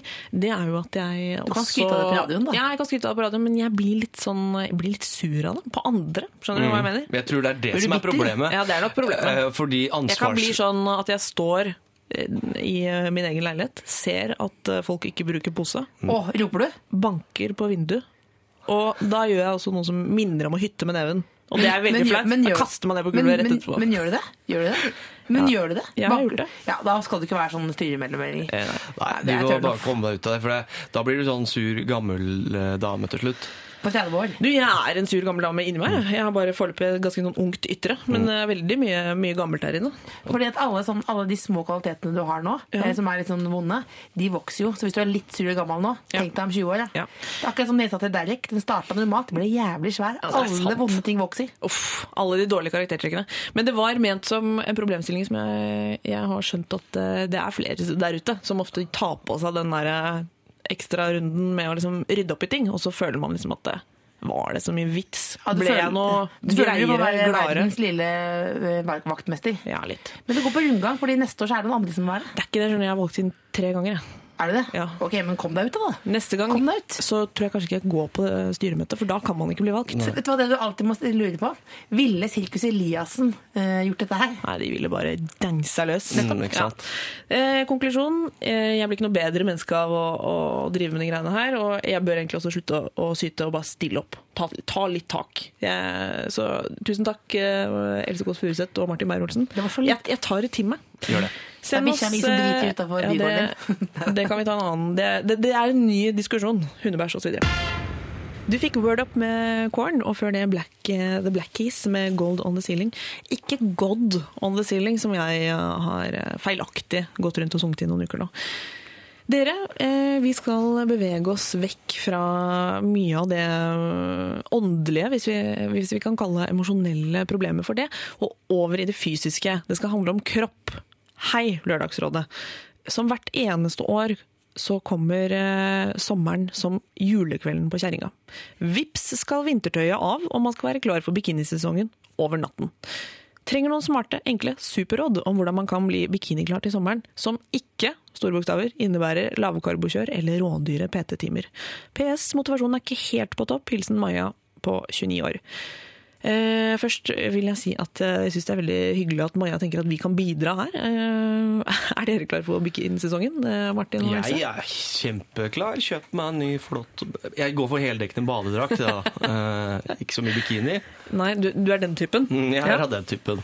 Men, det er jo, eh, men det er jo Jeg kjenner meg igjen her. eh, Hva heter hun for noe? Hun heter Maja, og jeg tenkte litt på deg, Else Kåss Furuseth, for jeg har lest i Se og Hør at du har gått ned 15 kilo, eh, og jeg bare mistenker at det både innebar lavkarbokjør og kanskje litt sånn rådyre PT-timer, eller tar jeg feil? Jeg kjenner meg igjen at hun, man har om alle, alle vil være digge. Har ikke lyst til å jobbe for å bli det. we Og det all wanna look good være- naked. Og det må være eh, 15 kilo. Det er, ikke, det er ikke 15 kilo lenger. Det er mindre enn det. Og det er jo ikke akkurat sånn slankebjørn stor pris det. Det er jo noe alle gjør, at man går litt opp og ned i vekt hele tiden. Helt Eh, sant. Men det som er problemet, da, hvis man skal være helt sånn ærlig, ja, ja. er at våren er for lang. Ja. Fordi at du får det 1. januar, så gasser du på, liksom, og Ok. kjører noe Jeg drev med noen kettlebells eller noe, noen småsmåvekter da, og mm. følte at jeg jobba skikkelig bra, liksom. Og så er du flink i januar, februar, og så blir det mars, og så tenker du det er lenge til sommeren, ass. Så mister du motet, og plutselig, ding, så er sommeren der. Okay. Så det er jo sesongen sin skyld, da. Men Ja. det er vanskelig å dele opp øh, og gjøre noe med det, for det er det jo, det er det jo Yl som bestemmer, rett og Jeg skjønner hva du mener, så du, for deg så er faktisk eh, vårsesongen for lang til å komme ordentlig i form. Ja, men det er interessant innspill. Det er akkurat som folk sliter med hovedfagsoppgaver også, for det er sånn Ja. toårsoppgave. Ja, altså, korte deadlines er jo Men samtidig så Jeg vet ikke, men det det Hva er jo foreslår du da, Else? det er jo eh, at man skal eh, bruke flere kalorier enn man eh, tar inn. Ja. Det er rett og slett det. Eh, det for det, mm, det hørte jeg faktisk Ricky Gervais si i går på, på eh, standup-showet sitt på Folketeatret. Eh, Ja. hvor han da rett og slett eh, Han sa det selvfølgelig på- som en vits. Han sa det ikke sånn eh, eh, monoton stemme som jeg har nå, men rett og slett det med at eh, det er jo ikke en sykdom, rett og slett. Det er jo hva du putter inn, eh, hva du bruker. Ja. Rett og slett. Det er ikke sånn at du våkner opp en dag, og så er noen kastet svin... Nei, nå har noen kasta svinekoteletter, sommerkoteletter over hele meg. Nei, det er, jo, det er jo egentlig kanskje mye vi vet alle sammen, men som, som er vanskelig i praksis. Eh, Et annet bilde er jo at eh, din munn er som en sånn eh, kasse på supermarkedet, der eh, alt skal forbi strekkoden. Bippes ned i magen. Skjønner du hva jeg mener? Og alt går i handlevogna, for å si det Og sånn. ikke sant. Eh, men Maja på 29 hun lurer jo på eh, om vi har noen gode råd. Altså, jeg, jeg tillater meg å være litt praktisk her. jeg. Hva Ja, med noen kjappe råd eh, på sånn OK effekt, som ikke innebærer lavkarbokjør, som hun klarer det. kaller det. Det er f.eks. øk grønnsaksinntaket. Merkbart, sånn at du tenker at dette var dustete mye grønnsaker. Få det ned. Kutt ut uh, unødvendig sukker. Og da mener jeg ikke at du skal liksom lese bakpå Dolmio-pakka om det er spor av sukker i den. Du bør ikke bli så gæren, men kutt ut uh, brus, til dels juice og selvfølgelig godteri. og så begynner du å gå til jobb f.eks. Eller, eller rett og slett eh, legge inn noen joggeturer. For de aller fleste så vil det ha god effekt. Men siste første dagene hvor du dropper litt sukker, hvis du har kjørt litt sukkergreier, Ja. så da faktisk da blir du veldig, veldig sigen, rett og slett. Så det Ja. må du bare holde ut de to-tre dagene der. Else Kåss Furuseth snakker eh, Hun er ikke anonym engang, men hun har vært en sukker, uh, sukkerjunkie. Ja, ja, ja, jo, liksom. Og Martin, du på mye større enn Else, egentlig. Ja, snakker vi Eh, rødcola? Ja, ja, ikke nå lenger, men eh, tidligere var det jo Eller ja, nå er det, det er mye sjokolade. Det er det er går i. Ikke sant? Så det er det man må, man må bare fjerne.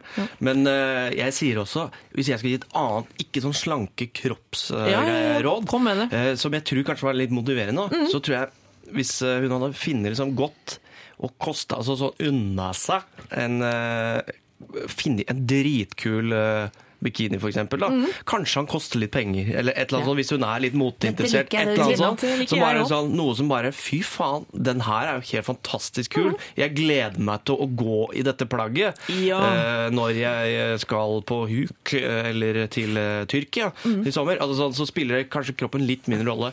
Og dette er veldig sånn overfladisk eh, råd. Nei, det er veldig godt sånn, råd, faen, Martin. Det Den her er kul, da!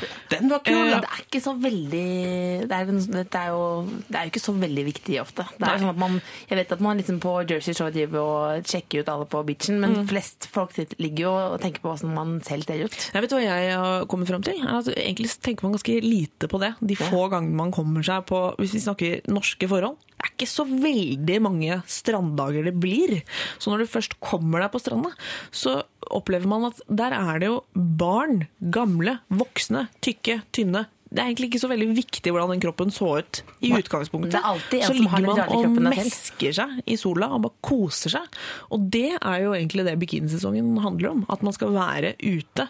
Og kanskje til og med bade i havet, som er helt fantastisk. Det er badinga som er gøy. Og da er egentlig Godt sagt!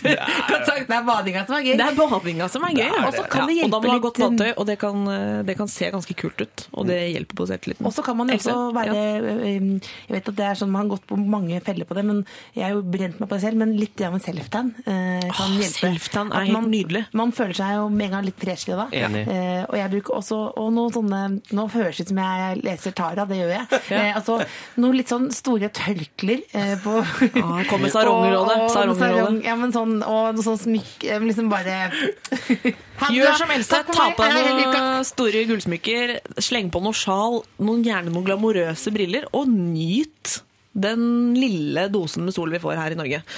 Åh, nå kjenner jeg jeg gleder meg til bikinisesongen. Ja. Så kan du øve deg på å være i bikini på balkongen eller sånn. Ja, det går også. Først, før du går ut og møter folket. Ja. Maja, dette fikser du. Lørdagsrådet på P3. Vi har fått inn et problem på eh, SMS på P3 til 1987. Uh, hvor lang tid kan man bruke på toalettet? Parentes når man skal bæsje. Eh, når man er på besøk eller har besøk. Vanligvis bruker jeg litt lang tid, men eh, selve opplegget tar jo under minuttet. Liker bare å sitte, kanskje for å la lukten forsvinne litt. Grann.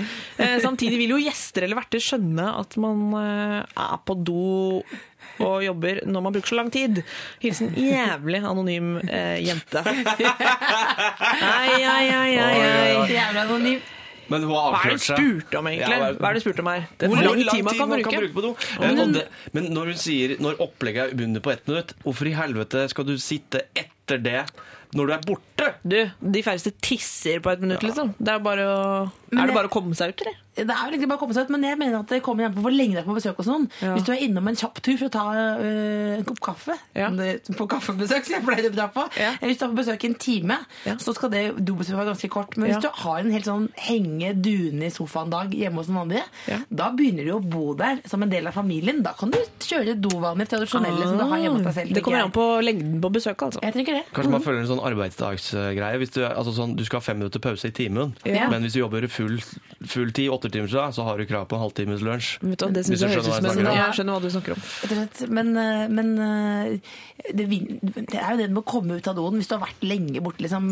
Hvis, for eksempel, hvis du ser på film, da, og de stopper, for det er mange som sier at 'vi stopper filmen', vi! Og hvis de stopper filmen midt i noe skikkelig, og da Den er litt langt ja. ja. Eh, Skal man si sånn Dere trenger ikke å stoppe filmen, altså, for jeg skal bare tisse. Sier man det? Det kan man si. Jeg, jeg veit ikke. Jeg, jeg hadde- vet jeg ikke, jeg hørt de ordene bli ytret. Eh, vi, nei. Du kan eh, endre bane der også. Fordi jeg var på sånn der, eh, tur til Roma, Roma, hvor vi bodde i et slags sånn kollektiv i en uke. Eh, hvor da folk liksom, Det var så trangt at folk måtte bo inne på do. Så det ble veldig vanskelig å gå på do. Og da var det da eh, venninne jeg, eh, Sigrid, vi ble eh, enige om at vi bare skulle gå på do på metroen.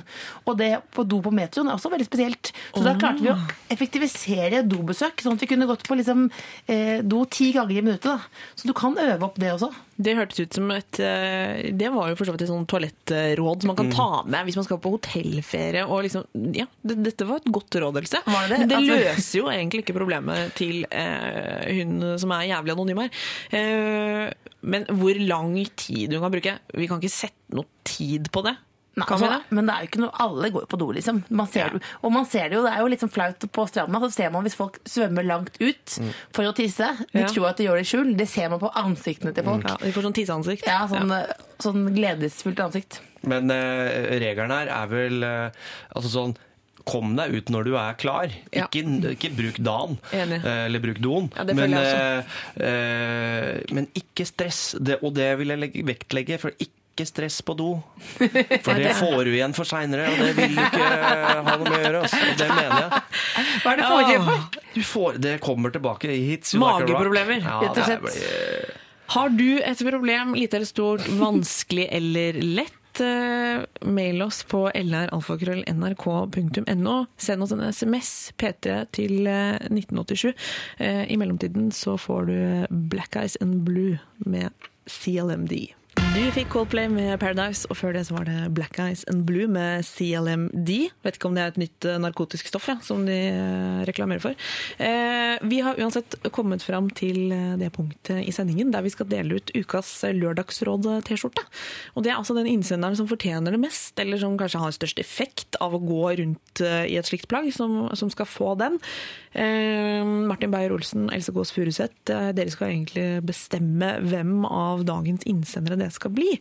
Eh, Jeg kan oppsummere kjapt. Eh, Skal det bli hun som er student og bor med en eldre samboer og sliter med å finne ut av pengeproblematikken? Vi husker det, vi som har holdt på med sendingen i hele dag. Eh, Hun som skal på utenlandstur, er litt på dealeren med en fyr. Storesøster som skal holde taler i konfirmasjon. Han som må kjøpe kjæresten sin glad hele tiden. Hva med hun som sliter med at samboeren lyver om at han har jobb og ikke har det? Eller han som blir veldig fristet av bokollektivets mat. Altså, Hva syns eh, dere to? Eller hun som har problemer, eller han hvor lenge han skal være på do. Ja, Eh, det har også kommet inn. Eh, Her er det hele sjangeren, rett. Jeg kunne sett noe interessant hvis eh, den personen som skulle begravelse til grandonkelen sin, Ja.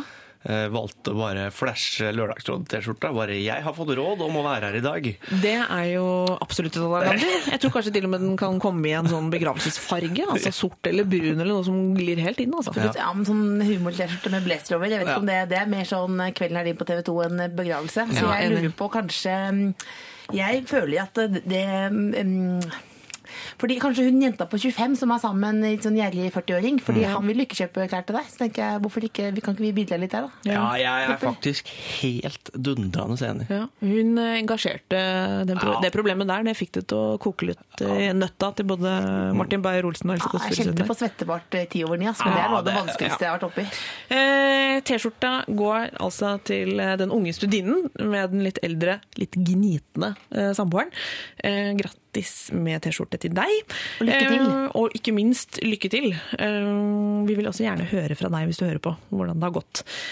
Eh, tusen takk til dere, eh, Martin og Else, for at dere var, i, var med i eh, Lørdagsrådet i dag. Det var veldig hyggelig å være. Ja, fantastisk. Så hyggelig. Jeg syns dere bør skaffe dere sånn ja, en ekstrajobb kanskje som coach eller et eller annet som dere kan charge 1700 kroner timen for, og, og liksom cashe inn litt på at dere er så gode til å gi råd. Men da forventes det noe. Eh, bedre å komme her og bare Nei, jeg tror bare dette. Og så tilfeldigvis var det bra i ny og ne. Ja, jeg syns dere har klart det kjempebra. Tusen takk.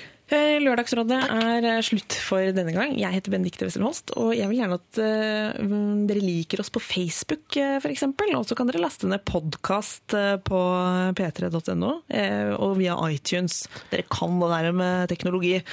Ned. Buffre det ned. Eh, Vi eh, er, som du sikkert har skjønt, helt avhengig av at dere, som, at dere fortsetter med å slite altså at dere fortsetter å slite med ting der ute, og sender det på mail til oss og forteller hva som er problemet. Vi kaster ikke noen problemer, vi bruker dem gjerne f.eks. i neste sending. De kan du sende oss på lralfakrøll.nrk.no. Og hold deg på P3, så får du med deg Radioresepsjonens Best of-sending. I morgen kommer Martin Beyer-Olsen live klokka tolv, og inntil da så kan du kose deg med Mitt hjerte bløder med Veronica Maggio. Fantastisk. Ikke det blir vei av å snakke om det. Du hører nå en podkast fra NRK P3. Hent flere podkaster fra NRK på nettsiden nrk.no podkast. NRK P3.